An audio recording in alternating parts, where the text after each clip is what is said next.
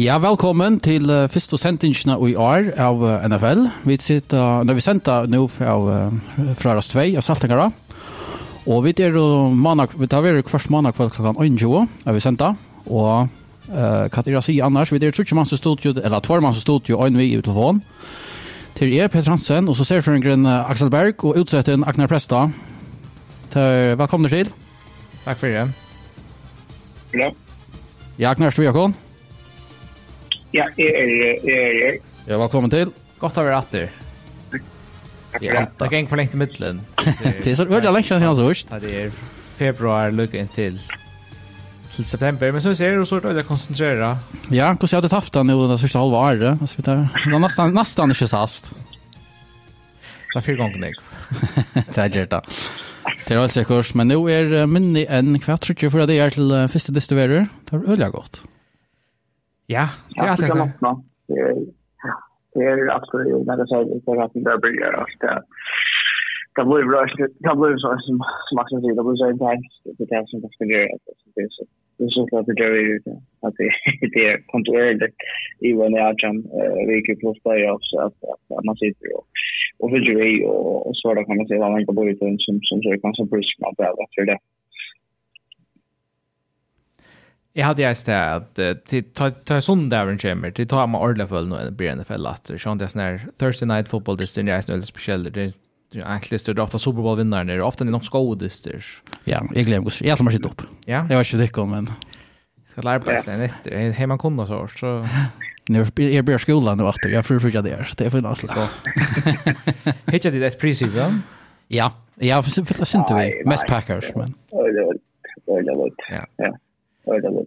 Det är en spelare ordentligt att starta att starta här någon och så så man får så lite bort ur och är helt inte nu att det sitter ju efter second och third string spelare för det att det tog mish. Nej, jag säljer Packers här hukte har alltid så tror det. Nej, jag har jag pett jag vet nog faktiskt. Jag tar spalt bara tror Men det är med han första ligger var inne för alltså 2 3 drive ganska det första.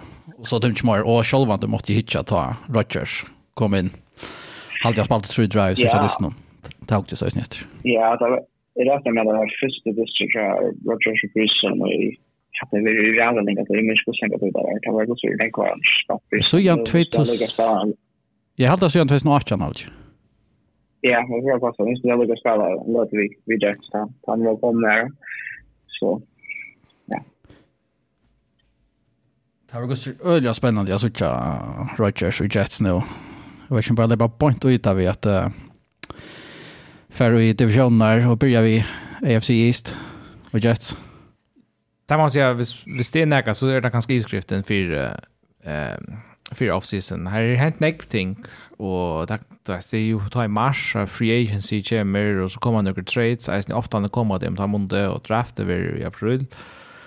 Som moves kommer sen sättne. Men vi får tacka till Sean Jökten som säger kan vänta vid för att hämta i hessa tradisjonen, tagga linje i kjøkkenen, og stafista til nu alltså vi får tacka FC East och vi håller det mest upptakta starta vid Jets Så tar trade i fyra Aaron Rodgers.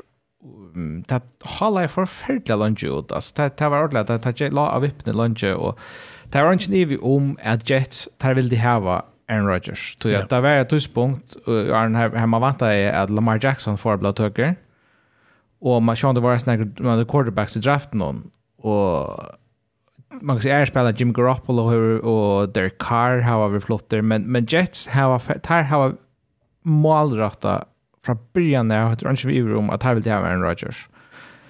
Aaron Rodgers formulerade det så på att han att eh, han får i podcast till Pat McAfee Och det var om vi visste ju om han här för att stäcka eller kvätt och så säger han att han har varit i darkness retreat så jag kan han brukt fyra dagar i Lockshart, och i total mörker det han han är speciell för det där han.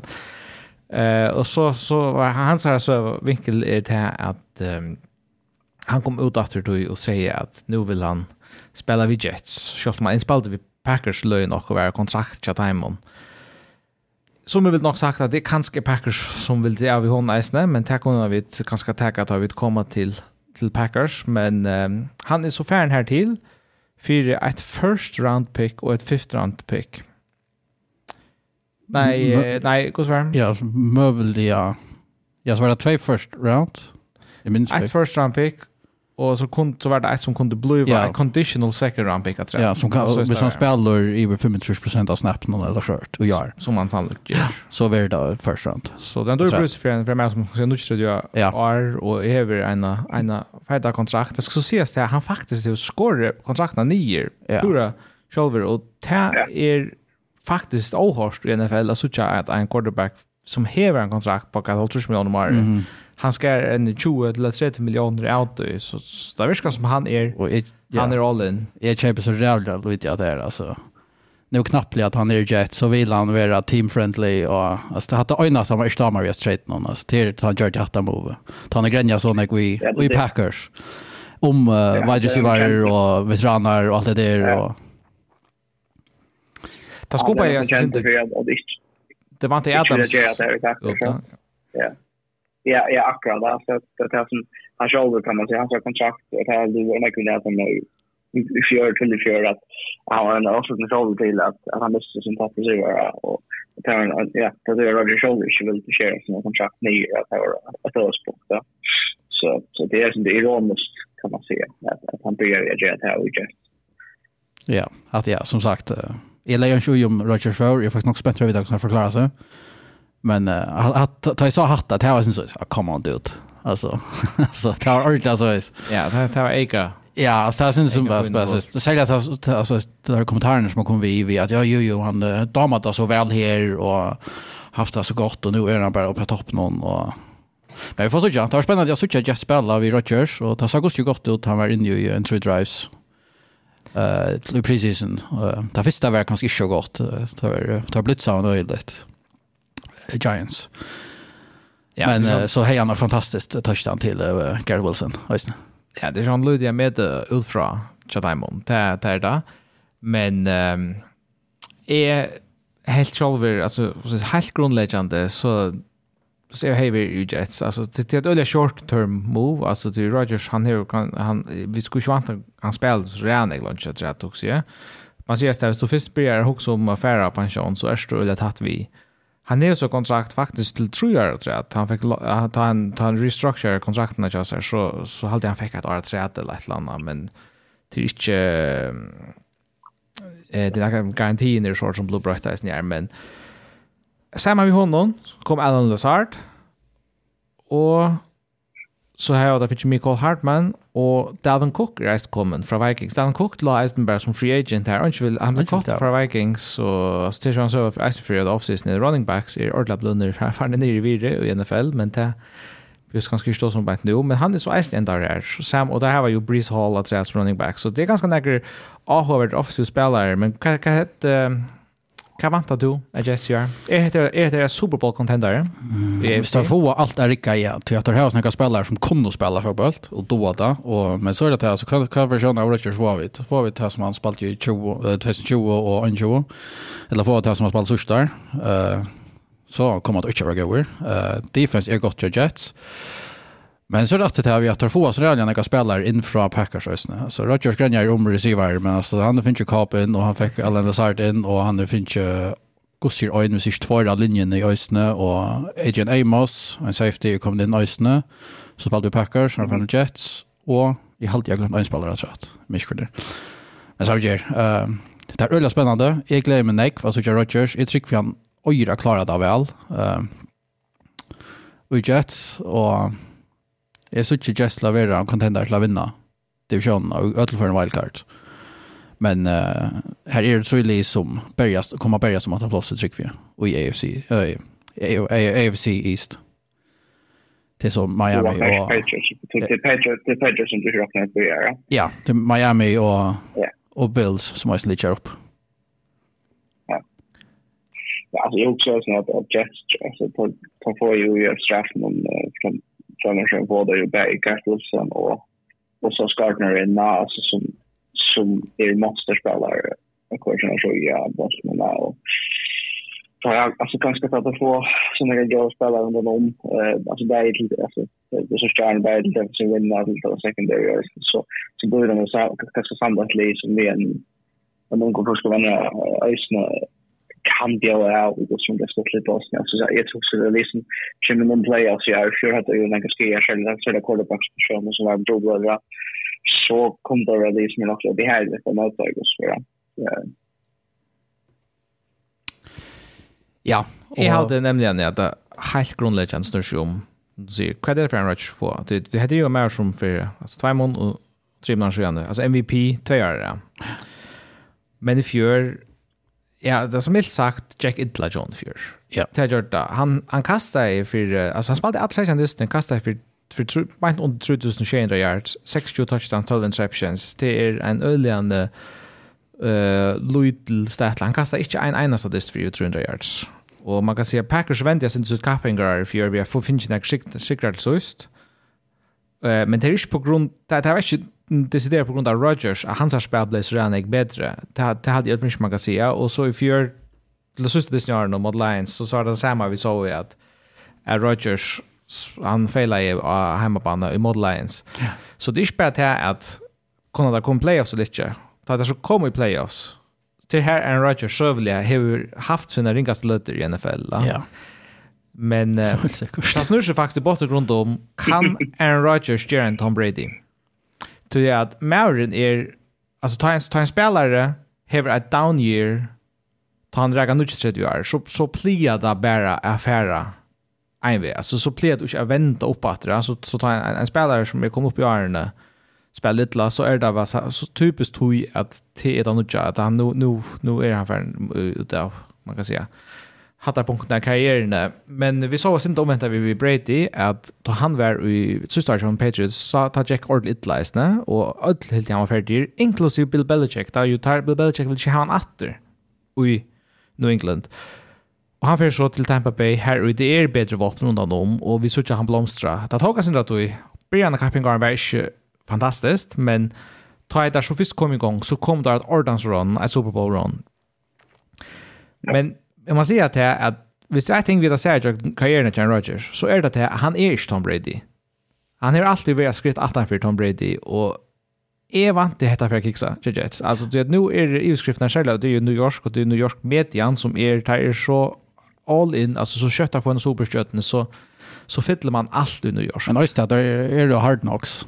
Uh, som är en sändning till NFL om mot Lee. Uh, det fyllt jag ligger för mycket i har en och här är allt gott och gröna skogar så där man och allt är så öliga gott och ta hade Randall Cobb sier da, og i parste nummer 2 eller 3, ta, ta sier han nemlig til att uh, altså hvis Rodgers blir ringelet, och ikke man kastar allt så først er det ikke bølten. Kan blåsa så her kjøtt, hvis, hvis det leier venter, og Rodgers, så att han så Green Bay för ofta det at han inte ikke tog med kastet, men så kastar han stiltar och så, så rikker han spillet bare, han vill ikke kasta mot Air quarterbacks, pröva. Vid det minsta, men Rodgers gång som på i interception så sa det att att hymns. Ja, och är en spännande spelare, Lina. Scott Wilson hade ju en spännande spelare. Han blev offensive rookie of the year i fjör, men alltså på kan han bli en sån total receiver eller inte. Det det var tungt så visa men hvis jeg skal komme med prediction så trykker jag det at øyla mye lar for, for Jets at der vinner ganske 8 nuttje dister og kanskje få et wildcard plus, men møl, jeg vil si at helt moderat nei Ringskedulist. Ja, alltså månaden fjör, alltså i fjör hejar ni onka korda på den här kassahusen. Alltså det var, därför jag som är i var Mike White då.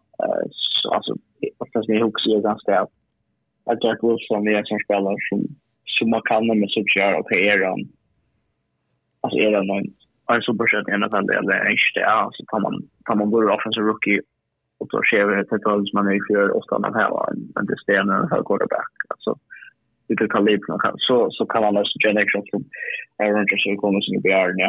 Eh och den kanske kan också filma med Aaron Rodgers i det att han är ju stadig som med champion så att han är så där den är ju år så man har tänkt fjör som i år så gör så att man vet inte om kanske han han spelar för Christius Arne sin karriär att det var som i en tre fyra år i Great Bay och det är kanske inte lika mycket eh knops och och sådär kroppen som en multikala mycket där kan annars spela va. också. Men, eh, men det handlar om att försöka hänga samman och, och, och, och att försöka bygga en kultur och så blir det stort till alltså problem. Eh, men så har vi väl hört också om eh, att det är Harry Tree eller Goldie plus att det är sitt liv som huvudstad på Goldcheck som är och, och spelar som, som är okej. Okay. Så det är det här visst ju. Kommer att se bara Nasser Rosen, bara Nectar, Community Players, tror jag. Det är så vi händer. Det kan fære på over ordentlig, og da geisten være midt i middelen, er kanskje her bare at det er midt i middelen. Det her er en vevel, så det er en fantastisk søve hvis, hvis det her kom Super Bowl eller altså, hvis en Rodgers skulle gjøre det i Jets, altså, det er en ordentlig, altså, men uh, ja, ja, ja, jeg har aldri forstått litt, lukket mye kvann vet derfor, så aldri forstått litt. Det er forstått litt, så klart som jeg aldri forstått litt, tog jeg det i Packers-fan, hvis det ikke sier. Nemlig, ja. Og det her blir jeg jo, mann Monday Night Football mot Bills. Alltså det är en en en fantastisk dyster yeah. att alltså det blir ju roliga spännande. Vi får styrkes med det ser in i vid mot corner då tar lite knall här stod och Bills är så nästa nästa livet att locka ta som är bänt. Ehm en frilig off season för att här så är vill jag lova säga så drafta en en tight end första runda Dalton Kincaid som jag har teacher som uh, backup tight end fancy Så jeg har, jeg har syndra og trykk på han, han er en sånn, sånn potensiell slipare. Jeg har sånn drama off-season eisen vi Stefan Diggs. Ja, her er vi sånn ruktrom, er han ånøgter i Buffalo. Det seneste vi så fra, fra honom var reisende, han stod og skjelte Josh Allen ut av søylinjen i en playoff-tap mot Bengals. Jeg har å si at Kappengard chatta med fyrir krasja jeg sinter her mot enda. Altså der, der fink Ødlo for en ordelig benk og heimabana mot, mot Bengals. Og hava nok tidsi at sti atter i mun til av vera talie som, altså if yours kom der inn faktisk som Super Bowl favoritter. Ta var det. Ja, ta var mun Super Bowl favoritter. Ta var Ja, og eisen kjøpt bookmaker on kjøpt noen arre, var det for Boy Chiefs. Um, man nøyest vel et eller annet sted hava der vi her på, men, men spurningen er det her talie som, ja. som som kan skal halda der er. Så jeg trykker vi at det er færre sin rattermål til fjør. Uh, Bara så att han som man ja som har filtrat inte vi Wall Miller kvar är han nu är ner han är sin skattor och han är den PUP listan. Halt det då. Ja, vi skulle det förstås nu.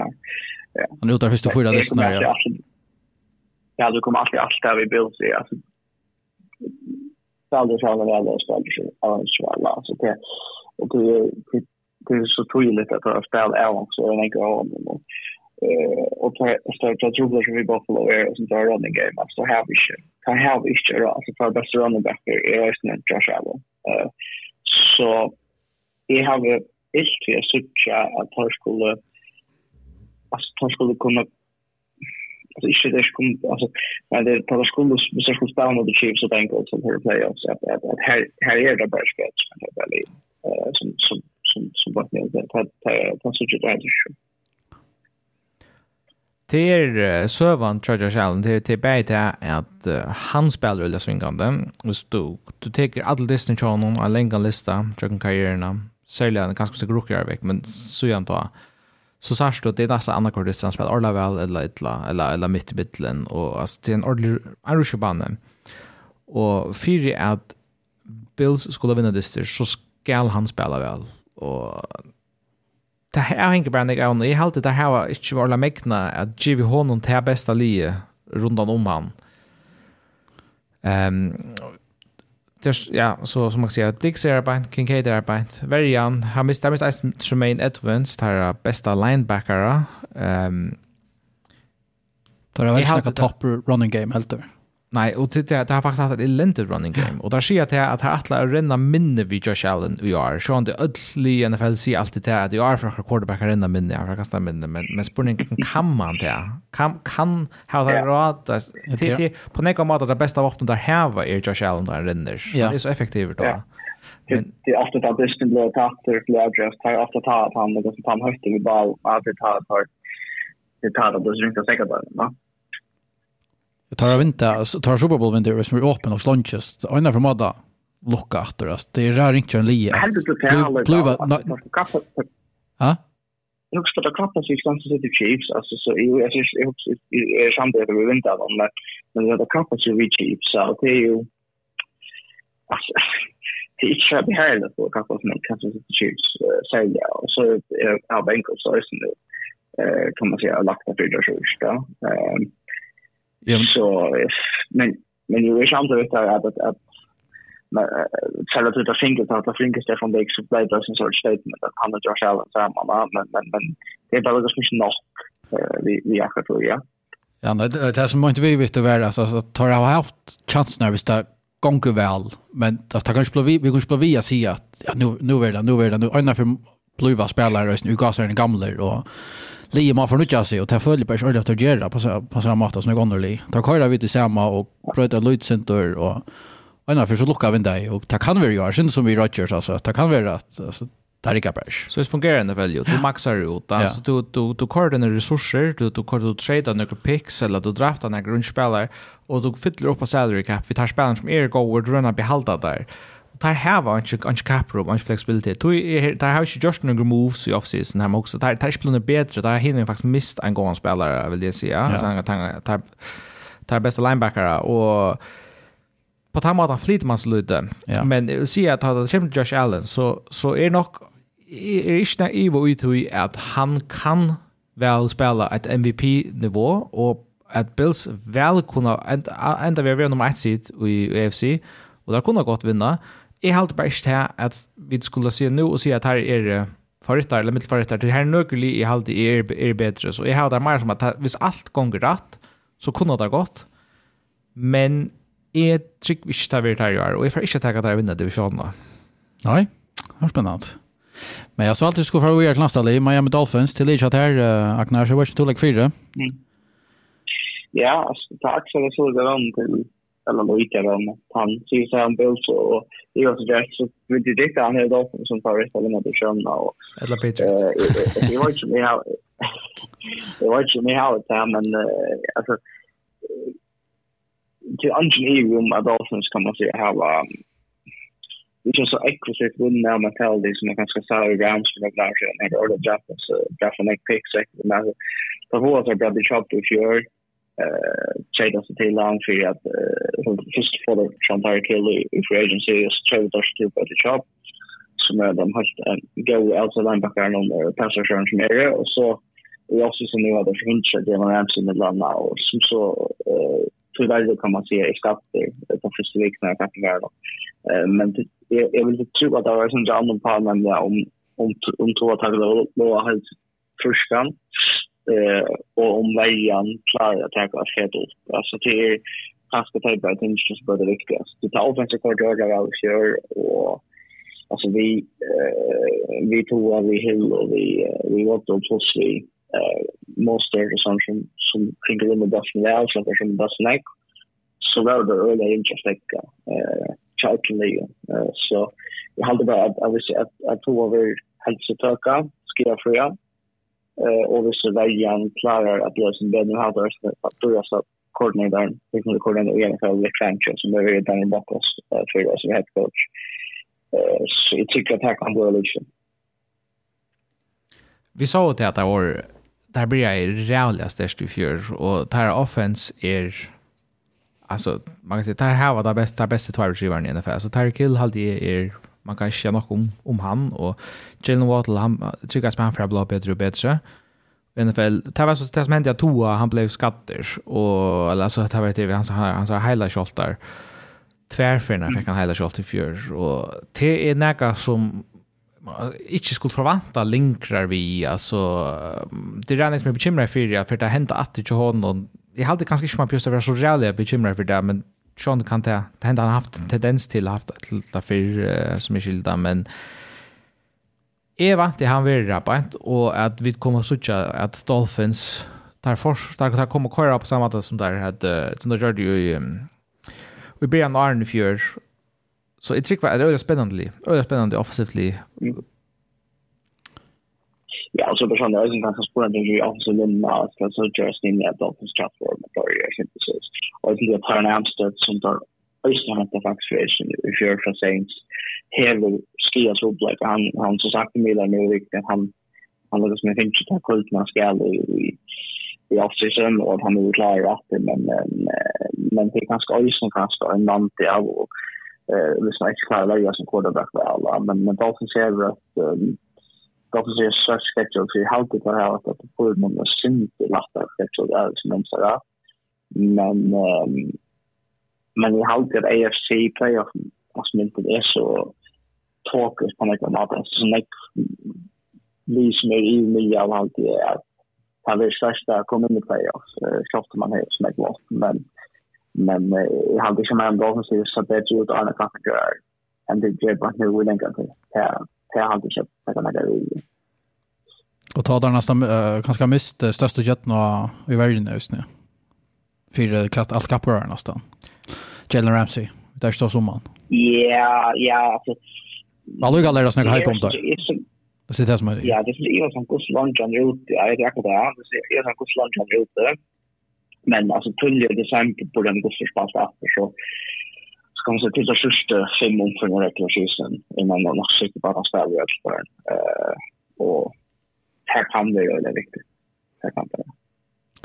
Ja, så att alla jätter i divisionen til Patriots og tar har så finnes ju gav menn som Juju Smith-Schuster og Mike Secchi, ösn fra Miami Dolphins som akkurat pratet om og Jonathan Jones og Fanny Fradar mot Jacoby Myers og Jonah Smith og Devin McCourty.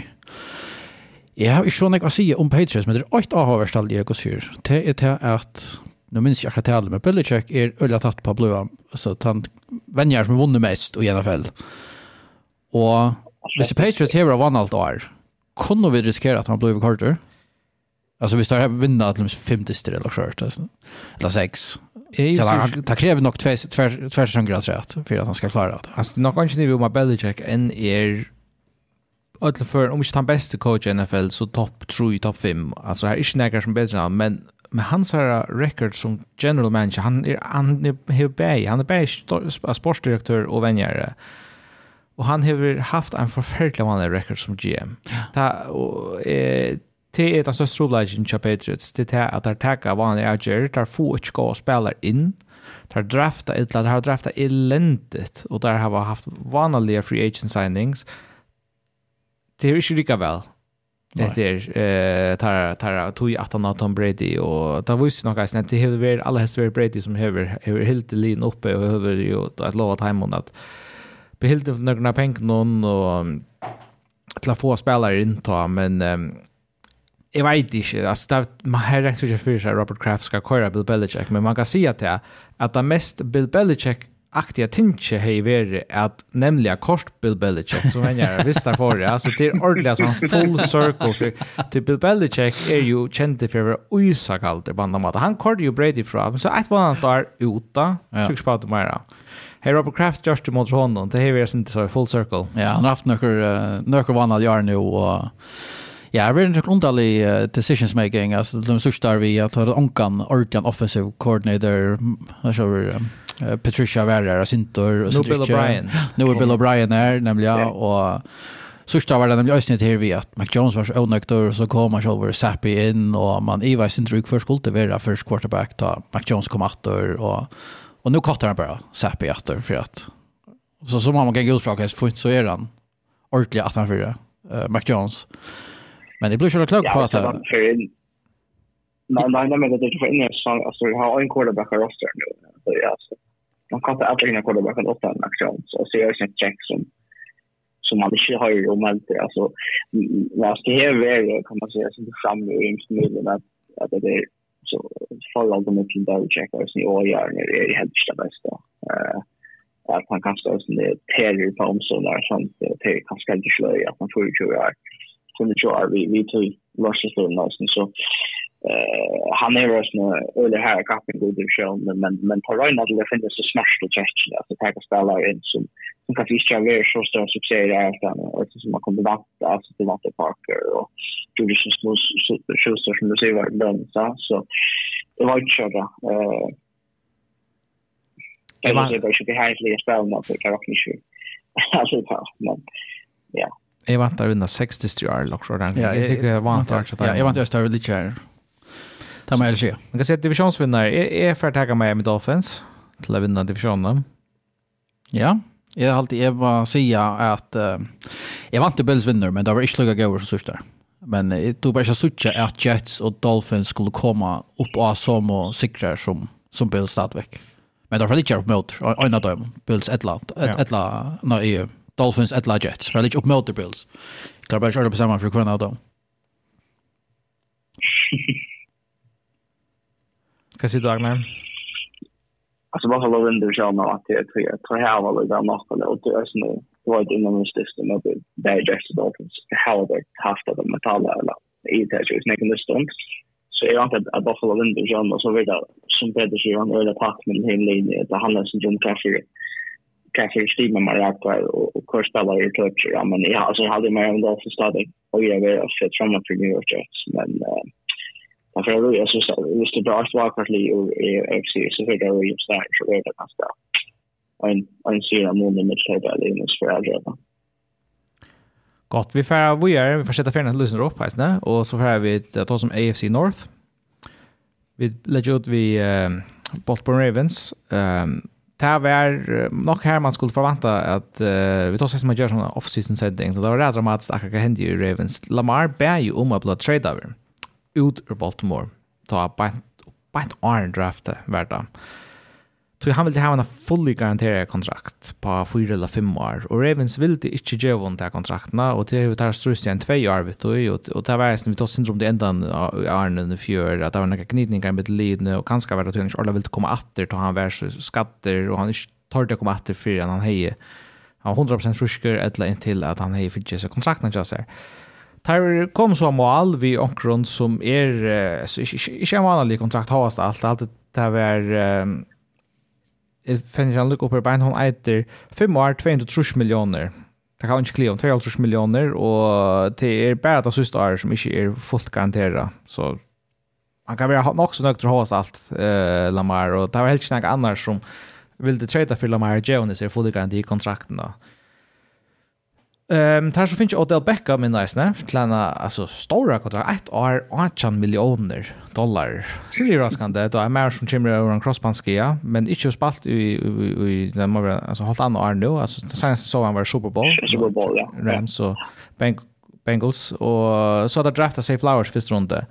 Så är spännande li och är trick för det att ta vi roundast åt så Ravens gör. Vi har inte haft haft Lamar vi top wide receiver i NFL.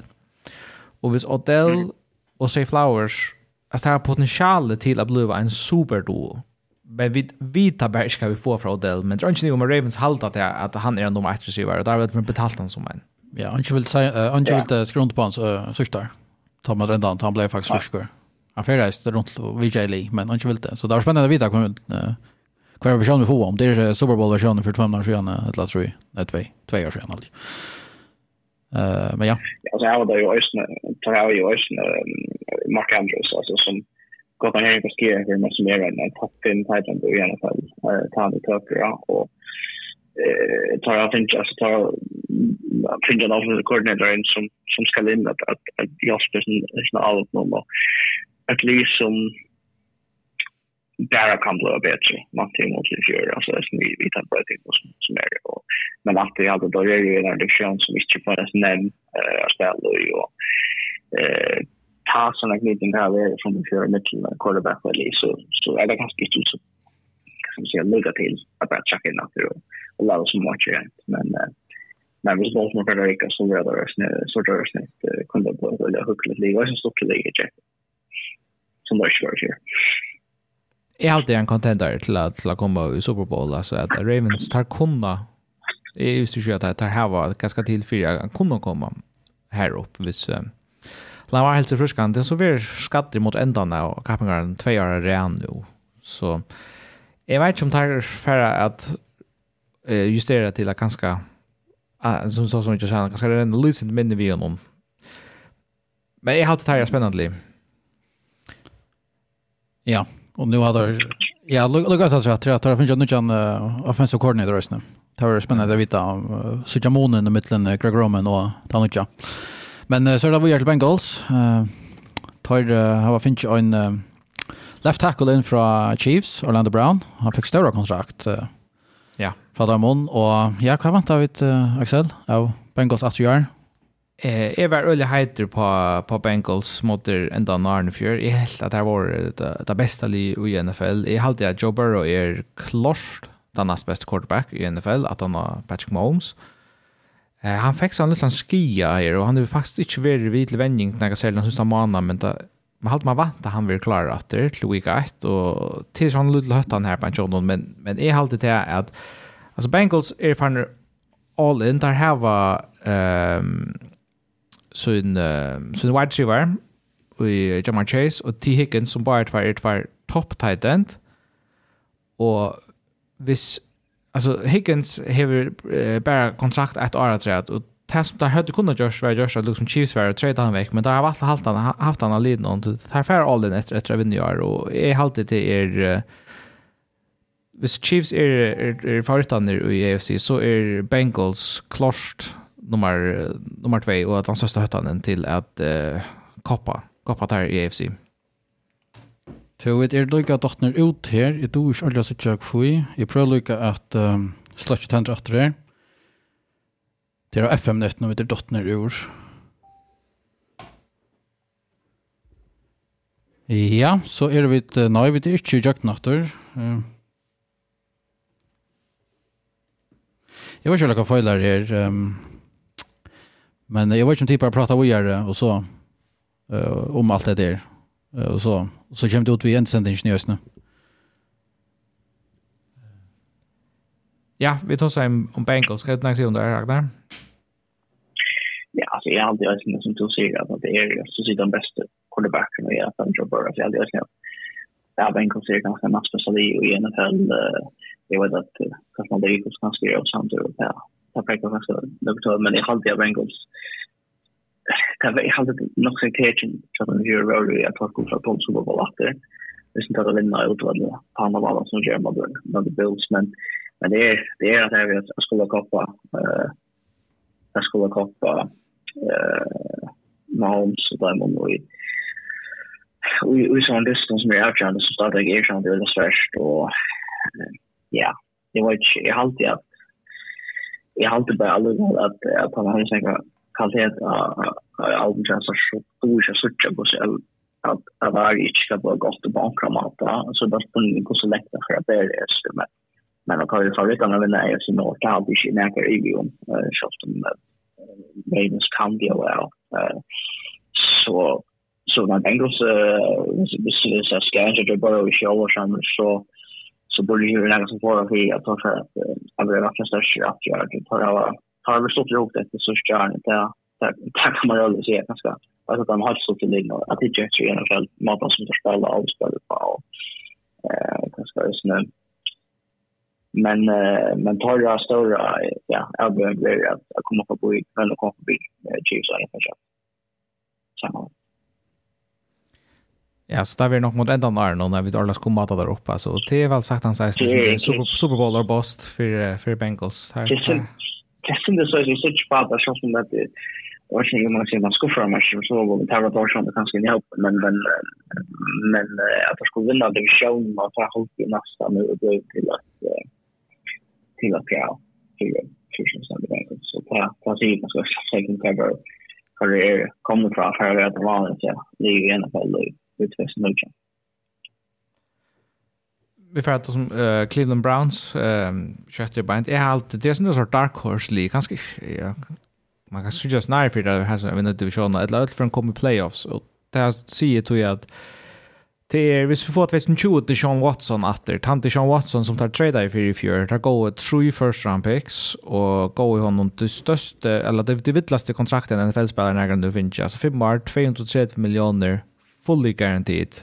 Han har lejat sin marsna i näpa för för hinna alla spelare eller att Line tror han han fick sig fullt garanterat kontrakt där som som alla har vilja haft allt och um, Arfjör var inte närant John han han kom in i att han uh, 11 veckors karantän alltså han fick lika där sista 60 när av Arnon.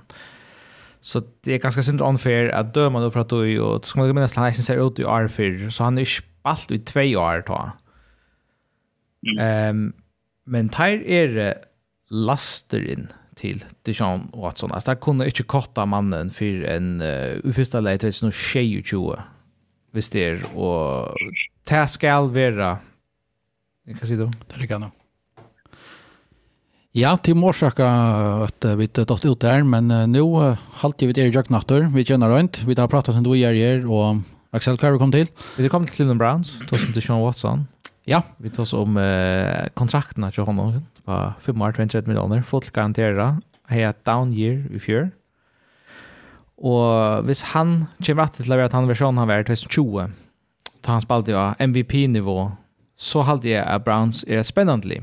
Jeg vil ikke vi så ringte så jag liksom at jeg skulle få opp och vinne divisjonen, men där er helt sikkert en contender til å komme playoffs.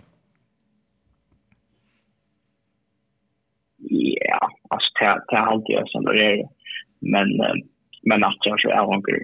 Så ska man gå jag kollar bara spel dem ta som ganska är är en stitch chip det är rätt som man kan så nu kan jag kan man om det man man om det med kort running back så tar jag vi tar ju man ju ofta. Men tar jag ju en nattlig jag har running back. Och något jag har running back. Eh man kan bäst ju i alla fall och i eh och i nick eh som kanske ska ta till det går så Så det här var ganska, ösen är större att spel på, men uh, men nej, jag tror inte att det som måste ska ta tacka ett, ett störst fett framöver och börja lyda sig till kollaborationen av Arne, Skeler, Skandal, eh för att torska där en chans att bli i UFC-play. Ja, men um, är också Steelers, det min min uh, holdning till där till till jag tycker inte på på alltså att där är var vi i i playoffs strun jag har om där imponerande nog klara att vinna alltså var det från EU 500 vet jag inte åt eller nu inte det styrs Nu kunde jag köra. Jag tycker bara att uh, Kenny Pickett är en franchise quarterback i NFL. Det är han har fysiken till att spela. Det är på Sjonna.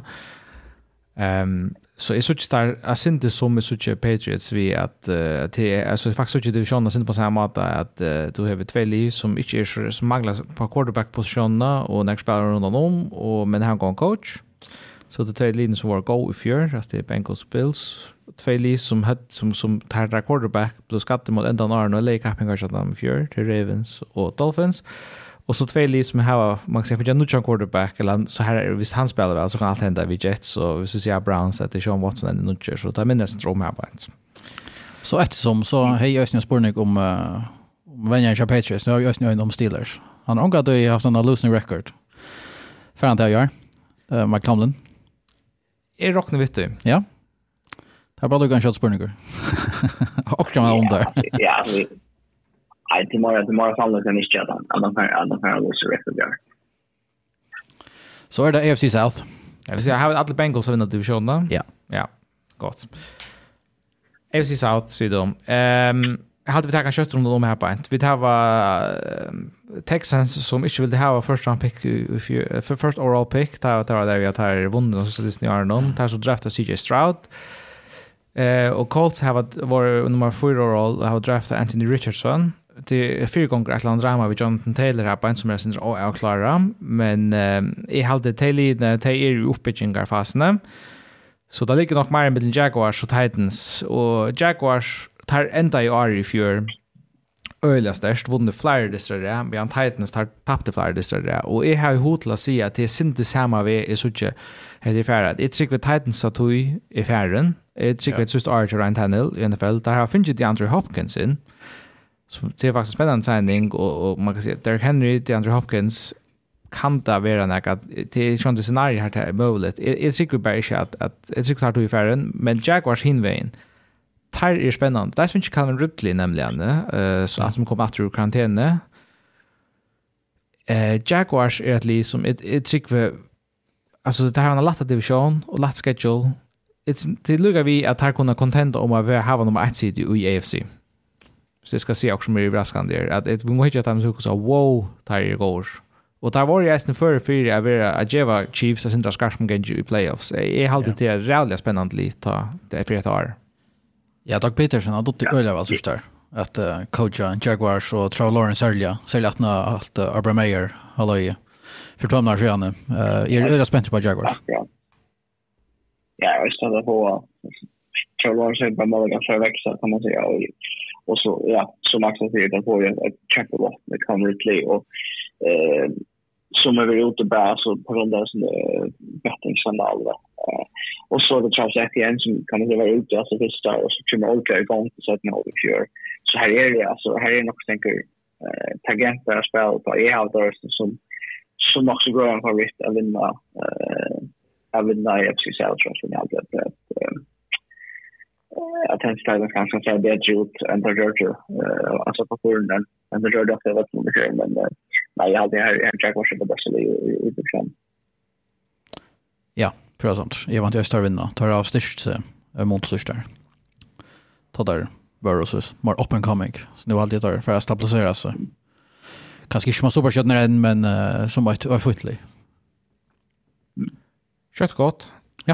Det så kan det også gjøres. Det er nok eisen, ja, det är nok, det är stor favorister her på. Men uh, AFC West, Ehm ja, det gjorde det på vi, vi Denver Broncos. Tar sitt coach ut, Sean Payton, er kom atter ur pensjon til at uh, vara venjere til Russell Wilson 6. Han blev lokket av en också stora kontrakt från Robert Walton, eieren av Walmart, nok han rykket i eieren i NFL. Um, kan Sean Payton vi har Marin som, som bjerker Russell Wilson ur sin hold noen som han greier seg sjåan inn i i fjør. Det er nok spurningen til Daimon. Ja. Ja, alltså jag har alltid det, alltså, tar som på med dörker uh, som nu att jag kommer långt upp så är det uh, inte löje på den här att man har uh, det är det inte. Han är, uh, alltså han är ju en av de uh, kanske bästa uh, head coachen i NFL det sista uh, någonsin när Han floppade ju Saints. Öjda lätt. Så uh, och tar har vi just period att bilder tar vita till alltså anfallsat tar skulle styra så här hade vi som trodde vi ska vinna Arizona position det och det är just som man klarar på Cardinals afton och Georgia de tökar satsen som nästa arm och Jonathan Williams igång så är man ju ett rätt spännande tänka bitch på som det vi vidare ju så så här på det är så som början där. Och så kör jag Shadow Shields man är fast hans hans stil för något så eh ta comebacken upp efter med det där det så första men men att jag som men att jag för hela det kanske ju på en division här det är extremt för kaffing och så ska Surf Marmot till Surf Marmot Chargers där den så och jag har inte sett att det var playoff-slipparna vi är in, men men här och så bitch på tärd. Ja, det kan inte kränga det var i fjärs eh vi är in the journey fjärd. Det det är nog ganska rätt och ja så det har var Spalt 15 dister, 3500 yards, kasta i fyrir, 16 touchdown bara, 1 per dist nærmere, og 11 interceptions, og hans har kontrakt, eit reisende, Alltså det er nok en tvei, eller faktiskt nästan tror jag Arndar kunne släppa seg av igjen, till visst det skulle bli Richard så Det skal etnast. Ja, ta måte. Ja. Nå, men vi fer vi til Chiefs, Super Bowl, vinnerne fra i fjør, og det er ikke brøtt det helt store her beint. Der har vi så mist nærkspillere, vil jeg si, Meira, altså, Dundee Juju Smith-Schuster, Fernand Patriot, Orlando Brown tar left tackle for til Bengals, Frank Clark er ferdig. og Chris Jones er så holdout bent nu, men Spurning hos lunch han er till kontraktsituasjon når han så høver bort från linjen til att han vill ha en större kontrakt och Det kan hålla ut i allt det hade åtta eller nio veckor gör någon så ska han matter. Jag hade ju sagt att han är klar att sitta ute i alla åtta. Ja. Visst visst det visst det där som krävs. Ehm Och sen då de kan gå någon. Eh jag minns inte detaljerna i kvartalskapitalet på men det är det är fitta pengar. Kanske miljoner eller vad det är alltså uh, i dollarn. Per dist? Ja, ja. jag hade, jag hade dollarn, alltså kvart miljon dollar per dist hade jag där. Uh, så det är sin pengar han sitter här och vill ha mer lön så att sin aska för i, uh, i bötron. Men uh, ja, jag vill säga att det är faktiskt sin tur uh, uh, Sen det var så hvis han ikke spiller noen dister og de har mistet Frank Clark, så vil jeg så har de mist faktisk rettelig noen kvaligal. Men det er stadigvæk favoritter i munnen av vi. Og NFL, alltså jag vet inte Super Bowl. Ja, Gustav kommer i Super Bowl hade jag. Uh, ja. Man kan inte avskriva Mahomes om man vill att det inte alltså. Nej, jag prövar vita det bara. Så långt man häver Mahomes, ja. bäst spelare i NFL, så så står allt jag och Andy Reid match mellan Mahomes och Andy Reid har varit bara perfekt. Det hade jag inte vi glömma Gustav går Andy Reid egentligen är och har varit för Patrick Mahomes. Det så vi säljer Super Bowl här i han så alltså han har några schemes som som pura öppnar distan upp för där och så då är det man ska Travis Kelce bästa tight end i NFL hoast allt. Mm. Wide receiver positionen, running back positionen, hon är inte ton cha cha cha Chiefs eh allt för dem till hin topplinje alltså Bills och Bengals så men eh, i alltid till er här division att att att att tappa hoast allt. Ja.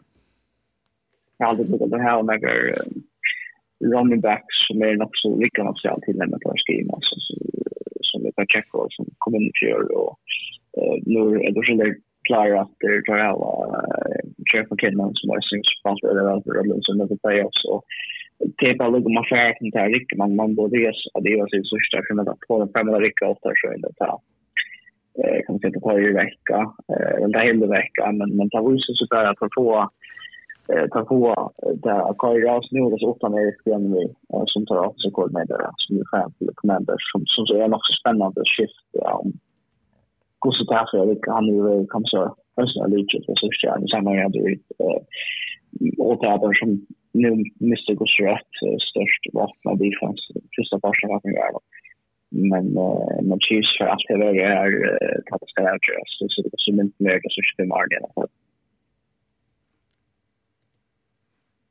Det är också några människor där. Alltså, ja, jag är pura vi på att det här, det här är det. Det är, är, är förrättar till ja. klart. Det här hade inte många kommit om. Um, I 14 söndag med Raiders kunde vi vara en höttan uh, till där. Det är alltså shift quarterback ut nu. Jimmy Garoppolo kom in, där Carfern till Saints. Är det här en, en uppgradering i för, ja, uh, av quarterback-positionen? alltså, man var att det har större att det var inte att de svarade ut till för ju till Raiders och bara kom till vår skoja. Men, men det finns inte andra det ordet Ricka och det kan tog inte det kan ända i öliga chans och i Raiders. Jag vet inte hur Jimmy Garoppolo är det större moner att han kan, och men han är ganska alltså Jimmy Garoppolo är stärre som outchance då men större their car eh Och det är spurningen till att han fyra månader för fyrrätters men i vant det inte att typen var uppe det han var som trailbar och kollas och och knappt jag gjorde det sina så då kan man bara täta och isha. Glad jag nämnde att där Mr. Darren Waller är där trade jag till till Giants. Är är tricket att det är en downgrade av quarterback position och att Davante Adams möjligtvis vara ett kandidat till att vara mid-season trade till att han kan Ja, han är väl uh, vara sin tur uh, onökter här. Och uh, running back, uh, Josh Jacobs, yeah. han så finns ju en kontrakt nu. Uh, yeah. Men uh, det var öl tror jag John och han mötte upp. Han är nästan inte väl, jag hade inte han vill näka i träning här på allt. Ja, jag kunde gå säga att han får rota ut mitt i öronen faktiskt. Yeah. Sista gången ytla. Eisen Josh Jacobs blir trade över. Jag tror inte så mycket att jag för fråga en gång väl. Det må jag helt ärligt säga. Jag har alltid till att höttan i divisionen, hon kommer från, från Chargers. Ja. Um, ja. Josh, Justin Herbert fick en monsterkontrakt. största kontrakt i NFL, nærmere du, mener det er. Og, um, och så här var det Ada, uh, Eric Kendricks, linebacker-posisjon, og der draftet han i första runde, Quentin Johnston, så der har vi langt noen våpen og linnon. Eh Uh, är er en fan av, av Justin Herbert, og här var ofta när vi tagit på at uh, altså, har vunnet Chiefs, vunnet mot Chiefs ångte der, og spalt, generelt spalt nægge reelle tatt av distri mot Chiefs. Um, man kan så för sig att det har det är en höttan i divisionen men men det är ett steg alla för det det sånt jag inte om det men men i halde där man ska störa dem till att det är en höttan mot Chiefs. Det är absolut det är den öliga gående sursta mot Chiefs så hvis Chiefs är helt kul jag kunde stå utanför divisionen och Chargers tar det klara att det, så trycker vi här är det möjligt men Men man ska inte ha skrövchips, det kan man nog inte. Nej, och Chargers är bara ett liv som som inte eh, är känt för att leverera, eh, kan man säga. Det Tappa verkligen söndra. Eh, det är så spårningen om pantoinen vi är inne med man först, hvis man får samla sig det tydliga dykterna som det här och det är allt och varje och särskilt ganska mycket snöbörsen. Som som där kan man säga, Iran är en av de högst goda quarterbacken i NFL-långt. Så eh jag har det bra lösen så vi vi vi charger har jag spelat det. Men man kan ju köpa vi chargers. Ehm men eh jag tycker att det kommer bli Det tycker jag. Jag tycker att det det har varit mock till och eh jag hade ju sni tippa nu så vart det vinna en innan sista där med the Chiefs. Det är så gärna så schysst att det funkar och och Herbert Hill tar på det plan kan vi en shot att med moms eh med landa så så det är alltså mycket spännande vi har filtrat det här vart har sig Yes, gott. Vi tar ut till NFC. Alla Chiefs som uh, som du känns med arbeid. Uh, NFC så valt att börja NFC West og väljer väljer brev vi vi for Niners faktisk. Jag har lugg også som vi vil ta oss om vi tar Så tar tredje för Jovan Hargrave från uh, Eagles som var en, en god defensive tackle til dem i fjør. Där har jeg mist, sagt, Jimmy Garoppolo, Jimmy Ward, der tar cornerback, Mike McGlinchey, offensive linjerna. Men så var det en situation vid Trey Lance. Um, han är tradad ut till, til Cowboys. Der er litt nere vid honom och till, till nok tog at Tar satsa på at Brock Purdy er svær i arbetet. Alltså Trey Lance var ju startare i fjör av en år. Han um, alltså för, för helt att lång lucka longer att spela långt. Det hade Jim Garoppolo. Det kom Super Bowl med Jim Garoppolo. Och alluga väl så väljer där att trade tre first uh, två first round picks för flytta upp till third overall för att drafta Trey Lance. En Trey Lance som bara spalt en 12 eller 15 distrikt i college football. Tog att man tror så näkor på hans här upside, hans här talent. Trey Lance fick fyra dyster för 49ers. Här han blev skatt, han spelade alltid tre plays i ena. Han egentligen spelat trutja dyster för 49ers. Och nu är han, nu ser man att nu, nu är man simpelthen livet vid honom. Eh, man kan se han som hans rookie arm. Man kommer i conference championship vid Jimmy Garoppolo. Och allugaväl så är man så säker och på Trey Lance att han starsta är jätter. Du skattar att i nästa dist någon är någon så har vi ikke nægran, uh, så skjønner Jim Brock Purdy inn, til han søvann som så hører til, og spiller vel.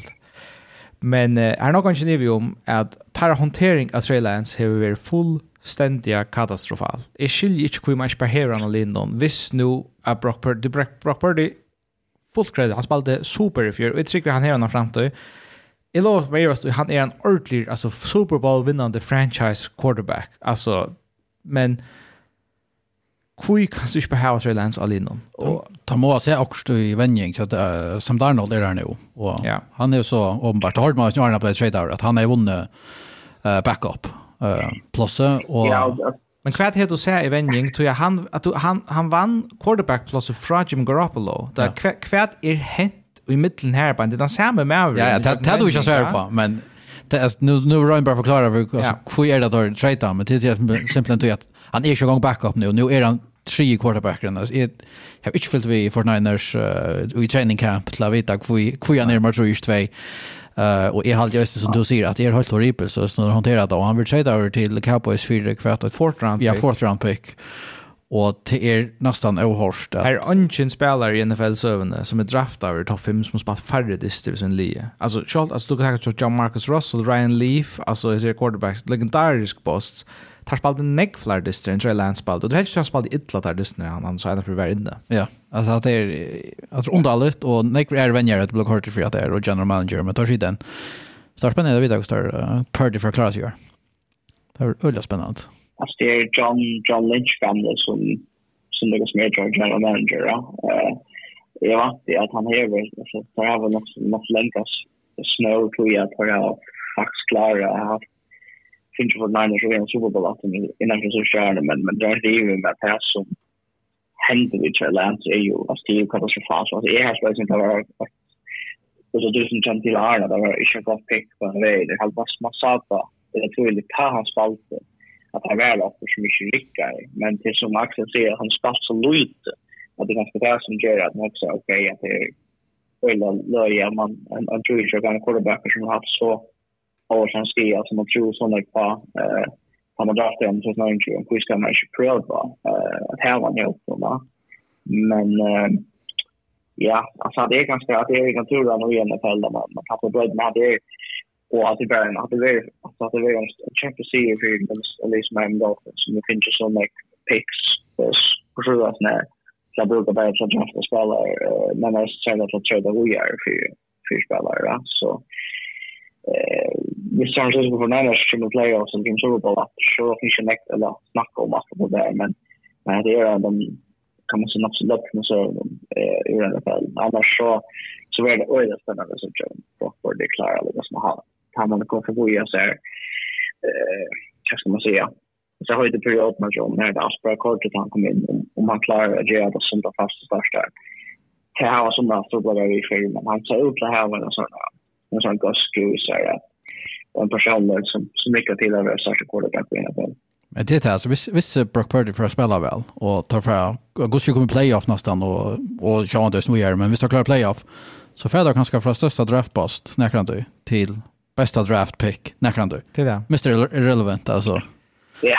Ja. Ja, så kom playoffs. Alltså, alltså för när kom play. Jo jo men nu man vi gå tar ska ska lucka vinna inte stå två och kanske en Super Bowl armar blir ordla komma här upp men att ha som akkurat det men alltså men alltså Han spelade väl ja, för Ice ja. playoffs i fjol men det är alltså vet du det har sagt här one year wonder. Alltså han blev skattad rösten.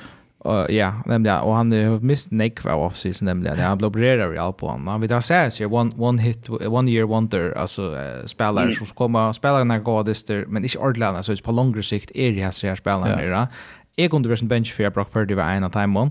Och tog jag tog hej helt tror jag som som som backup i Lomman Korsson till Samt Arnold. Jag vet inte om tar kunna bruka lägga men eh som säger alltså tar här var li runt om är åttan är blinkat det bästa i NFL. Alltså vi tycker väck från quarterback-positionen så halt är att det, det är inte argumentera för att näka här en bättre hopp än det här. Det är alltså all pro-spelare och alltså och offensivt, alltså George Kittle, McCaffrey, Debo Samuel av linjen, alltså värjan här kan här att man flyger spelare och så det är fantastiskt li och det tror jag att det är en en halta fast och så så så John Lynch kan man säga ganska väl den bästa till att drafta allt det där men i forhold quarterback positionen så har det nog väl den ringaste hanteringen är quarterback eisen til där da Jimmy Garoppolo er gjør noen de största kontrakten i NFL alltså där her var slakt av seg posisjonene de sista sex åren och det har nog kostat av en eller två Super Bowl Høtter finns ju också rätt här på en, så høtter vi Super Bowl mästare Men spørningen är är Brock Purdy han med avren? Hvis han är så är det här min favorit i NFC. Ja. Akkurat. Bra samt. Och jag vant att vinna vinne divisjonen. Ta øya der å vinne. Godt. Los Angeles Rams, ska säga det är här tog i färden. Ja, stort och grått. Mist Jalen Ramsey, Mr. Bobby Wagner, Leonard Floyd. Von Miller miste där Rice in i fjör, så får vi se till Super Bowl igen. Ja, och Cooper Cup är nog helt ordentligt 100 procent. Jag vant inte att spela första test. alltså han är han kom till sin utan att spela. Jag tycker inte att, alltså jag tycker han får få något yards där, men, men det är ganska synd nu. Så så så folk kommer spela något sånt där efter vad jag snackar om, det är Rams guy och Father George att det är att för ut efter Beckham och ut efter Ramsey och Wagner och bla bla bla och och från vad ska vi göra? Det kan ju hända en affär. Man kan inte hålla att det kan väl det som är ju graphic. Jag tror att jag kan stiga att det ganska att nu tar jag inte men men det tycker jag för en säsong där för att att det är att play off league. Så Matt Stafford har nu vunnit sin Super Bowl och det kanske är att se att han är mäktig men men han är ganska övrig att det som man kunde vara att han får göra i i Rams och jag vet inte det alltså ganska rätt tid för alltså, att man kan lyckas till det stiga. Jag vet inte att jag kan tänka mig ganska några år men ser att liksom som Rams att kommer att det igen och eh, en Super Bowl contention. man, man kan man som svant att det är vid Coca-Cola att det är en sån skämsituation som vi då inte äter. Så att, att han blir en sorts trade eh, target kan man säga, en spelare som tar för att ladda färgen för draftpick som en spelare som kan svara sig vid prova framåt. Ja, det är inte passande för för Toyota och Rams alltså att det var man kort ut sin första round picks in för att få att lösa spelarna och man så får nu att sälja sin inte borster för att att bygga upp. Det Det er spurningren. Uh, her var det at legendariske kvote tja Les Need her GM, F dem picks. Uh, men uh, det kostar eisen i siste enda, og spurningren som tantoin eisen er kommet, rock, rockningen er kommet til til der. Jeg skal ikke at jeg, jeg trykker godt at, altså, at Stafford, jeg hadde man, man ser han har synder uh, boilet, han, han, ble, han var skatter i fjör. Mm Yeah. Og han er en, en god quarterback, og så, så er vanlig i spennende helt rundt om uh, hette er, jeg vil si at det er potensielt wildcard-li, men, men ikke en Superbowl-content der. Ja. Yeah. Seattle Seahawks, som tar, her vil jeg si at det snurr seg om Gino Smith, er det vært, fjør vært her et, et one year wonder, eller er det noe som kan replikeres i Seattle? Han fikk også gjøre en kontrakt, eller kontrakt for lunch, så, så tar sikker på han, Pete Carroll. Og jeg tror ikke at han... Det er som jeg aldri sikker. Ja? Ja, så er det. Nei, nei, nei. Nei, nei, nei, jeg ætlar bare å si at... Uh, jeg kan ikke si, jo, at... Uh, nei, nå visste, nå visste jeg vekk. Men där finns ju några spelare i draften om vi, vi Witherspoon. Sorry, tack nog bara. Nej. Det är helt offer, här, ja.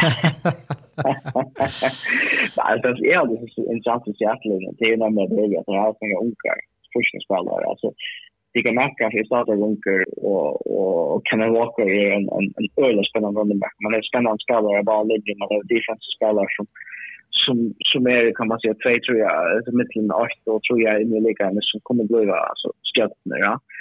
Så, alltså, alltså det är så li som, alltså, ja, alltså, och, och, men det är att, alltså, vi ska inte mer om quarterbacka och Flyer Jimmy Smith kan spela upp till det som som man gjør det første personen som er det parokk i. Ikke vi. Det hadde som jeg sa det før, ta og i ta bygge at han at han kaster, at han ikke er han en tattig quarterback og som alltså så vill som hej och ta mig och kan man säga. Men men Gino Smith där kanske var rätt för sig också från det fjärde och jag vet att det är ett liv som som den nästa finalen kan vara ett fast contender. Alltså det var som vi såg från Seattle där från vår playoffs först där. Det är så liksom kan det är liksom få det, liksom få det vilka vi som spelar. Så just Ali stått Arizona Cardinals är också med här är kandidater till från 0 och Sejan. Där finns inte första linjen när du i NFL på Sejan det spelar. Vad ska du quarterbacker Peter? Uh, ja, Dobbs, no Dobbins. Dobbs, ja. Ja, ja Dobbs. Ja, ja, kan man ska det andra Hawkins för den där där vi star RR. NFC East. Vi börjar vi Cowboys. Här har där finns ju säger Stefan Gilmore, Brandon Cooks kom det in. där Mr. Ezekiel Elliott.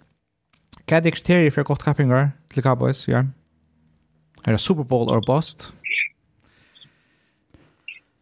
alltså se det kostar jag det i Dallas men alltså här han går det men gott lite att göra det aldrig. Och jag vet inte alltså det kanske det är bara präckla det att han att han kanske inte är den quarterbacken som som är den rätta för att alla är så som han får en stund om stöd då kan man säga. Nu har det kanske inte så rätt så så är det säkert aldrig att eh och varje på här med öjlig profiler och öjlig så säger vi Michael Parsons. Så Så jeg, jeg er vant til at altså, mot, mot det for Cowboys i playoffs, men, uh, men det har kanskje det kommer langere enn en andre playoffs. Ja, jeg tror det kommer lengt. Jeg tror vi faktisk nok snakker på, på Cowboys i år, men det er rett og slett at, at uh, Prescott viser til at han manglet av sørste, selv om han ikke er over, men uh, tar det også en um, uh, kontrakt for lunch, tyvärr. Zach Martin, det finns ju ett av lunch på två år och upp i lön och så ösnade Terrence Steele och jag och det skrev under på sin nytta jag sex år kontrakt. Så tar Chico på mm. offensive linjen jag säger och till ett kriterier för att komma långt och till den Ekli som här var nog så iva samma linjer. Här halt ju att att ta kon vinna på något snägg. Eh Cowboys just. Att det här var rättliga goda linjer att alltså framför Prescott. Ja, han visste att han blev han öll ofta väck näkra dister på, på ett år till alla skatter. Och det här var det jag gjorde, det här tycker jag är viktigt. Jag tycker att nästa linje NFC har också släppt spårunderteckn, så det är vi uppe. Ja. Um, tar tar mitten mitten till linje. Ta ta vill jag helst säkert säga. Och då är det en gråt här division. Ja, jag hade bara Dak är ja, eh vi tar då som han ofta använder. New York Giants eh stott katar alltså detta står i skriften som där finns det inte Darren Waller tight end Raiders som är säker kan vara alltså han är en pro bowl all, all pro level tight end och tar hava ordla manglar receiver receiving walk till, till Daniel Jones. Och är alldeles spänt på Pasucha och kan han kan så han kan hålla sig skia frugan. Daniel Jones ska präkva han sina kontrakt han har en utskrifter fram här på i offseason. Vi har skrivit en kontrakt som som är helt väsentligt det generöst. Fyra år, 130 miljoner äta, 40 miljoner om året. Ska så sägas att det sista året är inte garanterat så det är inte mer så lös. 3 år, 95, 55 miljoner lockshort. Så det är inte så våldsamt att lugga väl som det jag är. Ehm um, tar överraskar i fjör kan i roll sig självreisen i det helt att det gjort det och man kan vi er bekymret for om at han gjør så atstig mot til det. Men uh, jeg er optimistisk om at Brian Dayball er en ordentlig god coach i NFL, og at vi får nemlig altså, synte mer kvalitet i alle opp noen. Vi er en draft en Jalen Hyatt som er spent på å sitte. Jeg tror vi eisen tar vi. Jeg får ikke si at jeg er Superbowl-contenter, men jeg, jeg tror vi at jeg kommer i playoffs hvis jeg skal gita. Men det er sin dra vippene hvis jeg skal være objektiver. Ja, det er hans öliga størst lika. Jeg prøver jo att gjøre predictions av den og han har nok ringt faktisk ikke for å ödla seg linje i playoff. det må jeg si, ja. men uh, ja, Giants, det är nämligen det här. Klara dörrar byter på ett la tacka dörrar att sti. Det er til et han han han spurningar vi sitter etter vi Arne. Arne, så sånn ikke blir. Att är vi bara att den Jones har haft alltså jäkla linkar om stöver det mesta av sin karriär. Ja. Till det Jets som ska pura samt. Jag hugger att att det är en ålder som det till i år som också ser en ålder alltså fjärde nästa skatt men det är en ålder tajt att det bäst kan vi då kanske första vatten i år att kasta till. Och så har man en välnande en en fiskans i Con Barkley eh och en linje som fär fär kan man säga en helt Don Jones standard så kan man göra att en ekvalitet att det här var defense som som mycket som är, kan man säga, inte brottnar och, och, och tar vi och i de allra flesta som har spelat för eller väl som fattar som gröft i playoffs med med Rikos.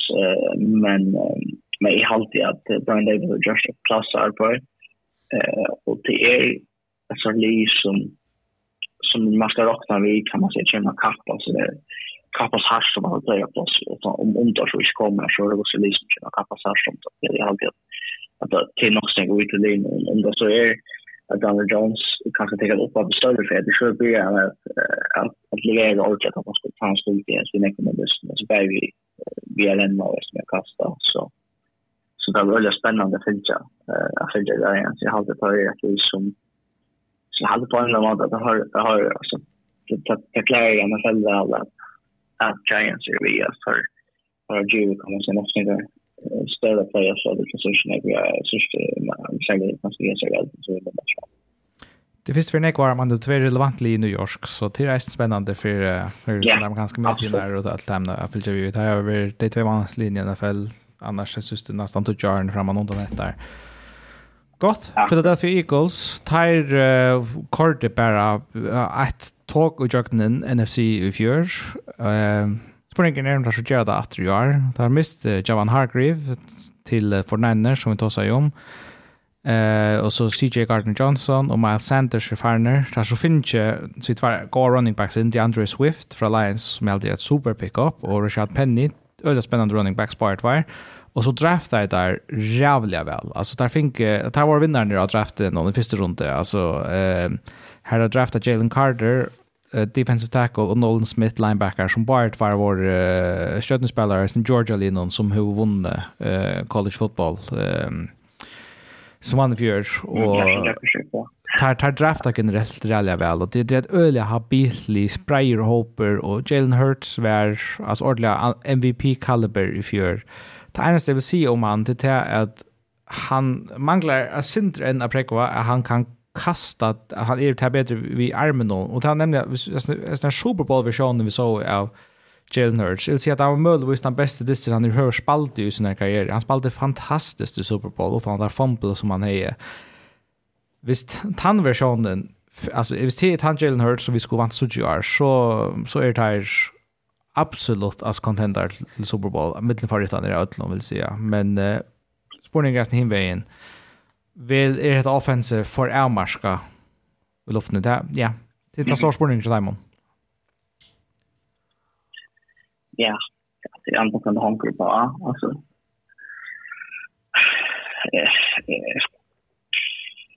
Jeg vet ikke, altså, jeg har ikke sittet at jeg vinner, ja. Altså, Alltså i detaljen straffar. Men men i halvtid ösnen kan man säga man sa att det tar spel för att vara nog så mest att jag att jag hade chans för det alla vägen. Alltså allt man sa är att spela playoff. Alltså så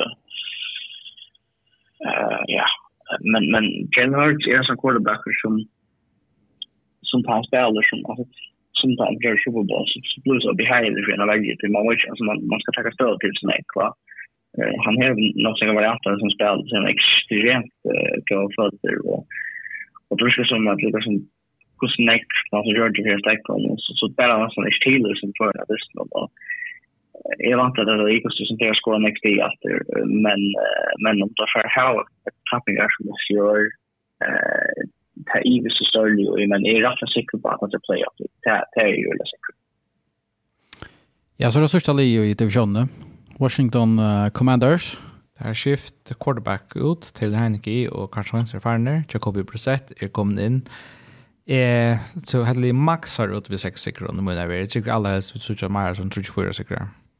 Så lite. Ja. Det är nästa som har att höra vara i rush så vis man vill vi i NFL-världen. Jeg vet ikke hur man skal gjøre av dem själva. Man kan nevne nämna skal lycka att det finns några öjare. Eh, det kommer att spela in i långt nu. Nog mer nästa år, tycker vi. Jo, i sista för att göra mån men i framtiden för att göra mån. Och bara lycka nämna det här, för fallet. Och östen till att vi kunde få ett nytt namnkött i Washington just. Men ja. Att nog påstått vi att Öda Commanders och tar här och släcker ratten ratten till namnet faktiskt hade funnit det. Så det är trick vi att det är större chans för att vi får ett nytt namn i Washington.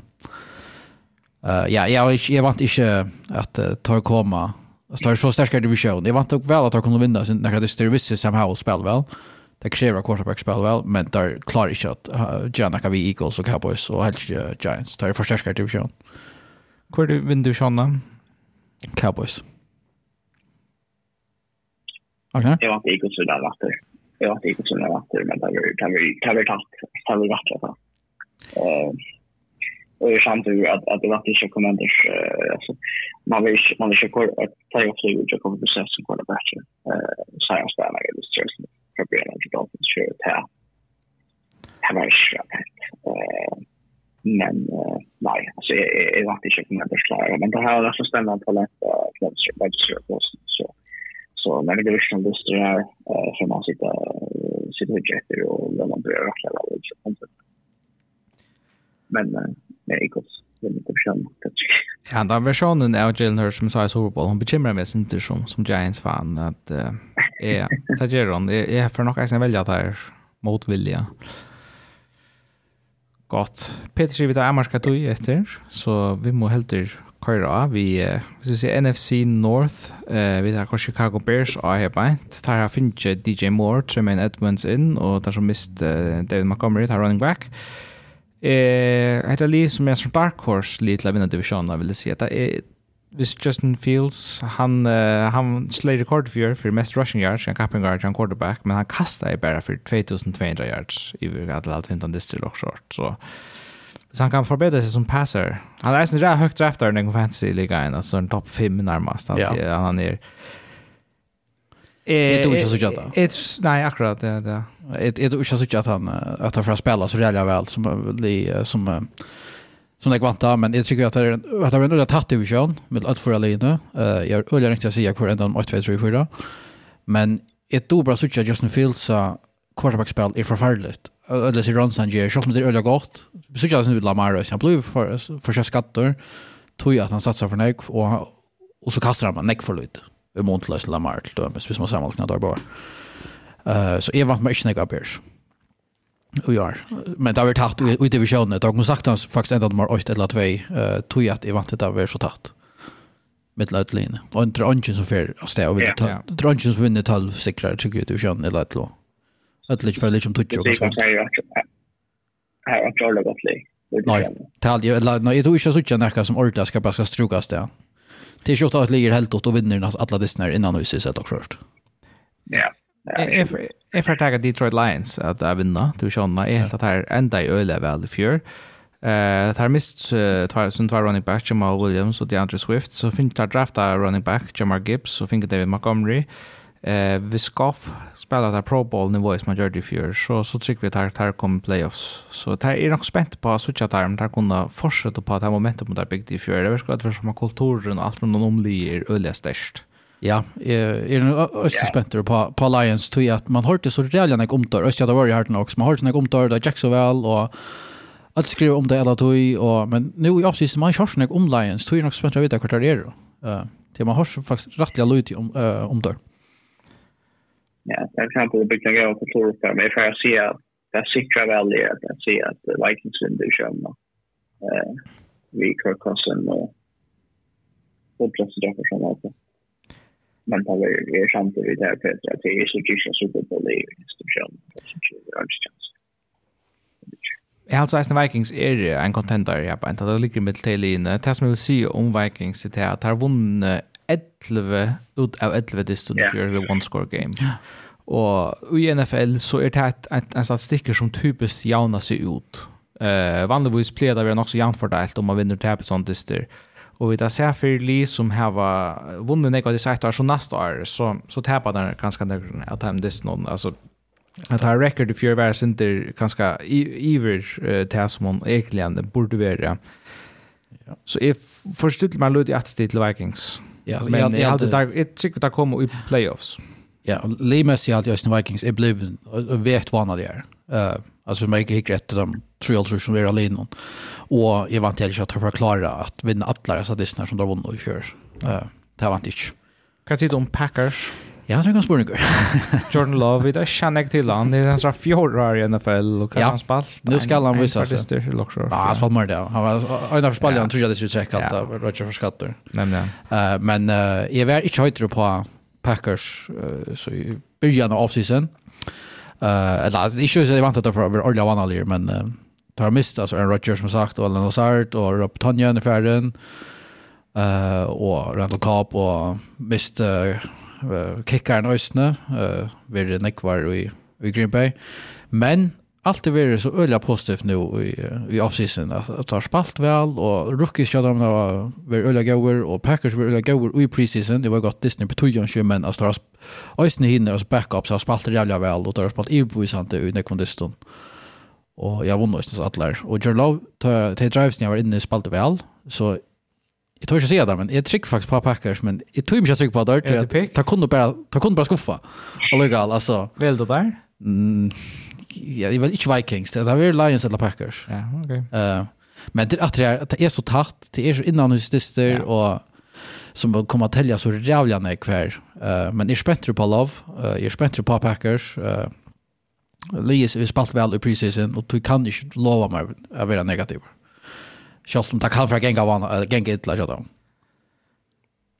Gott. NFC South var den vanligaste divisionen i NFL i fjör, så det är ganska passande nog att här få minst talet till från Och Här hänt några intressant ting av quarterback-positionen, så vi tar helt i vrörna. Box, Sean Brady, han gaust fjör. Baker Mayfield er den utgjør Maron, er beint.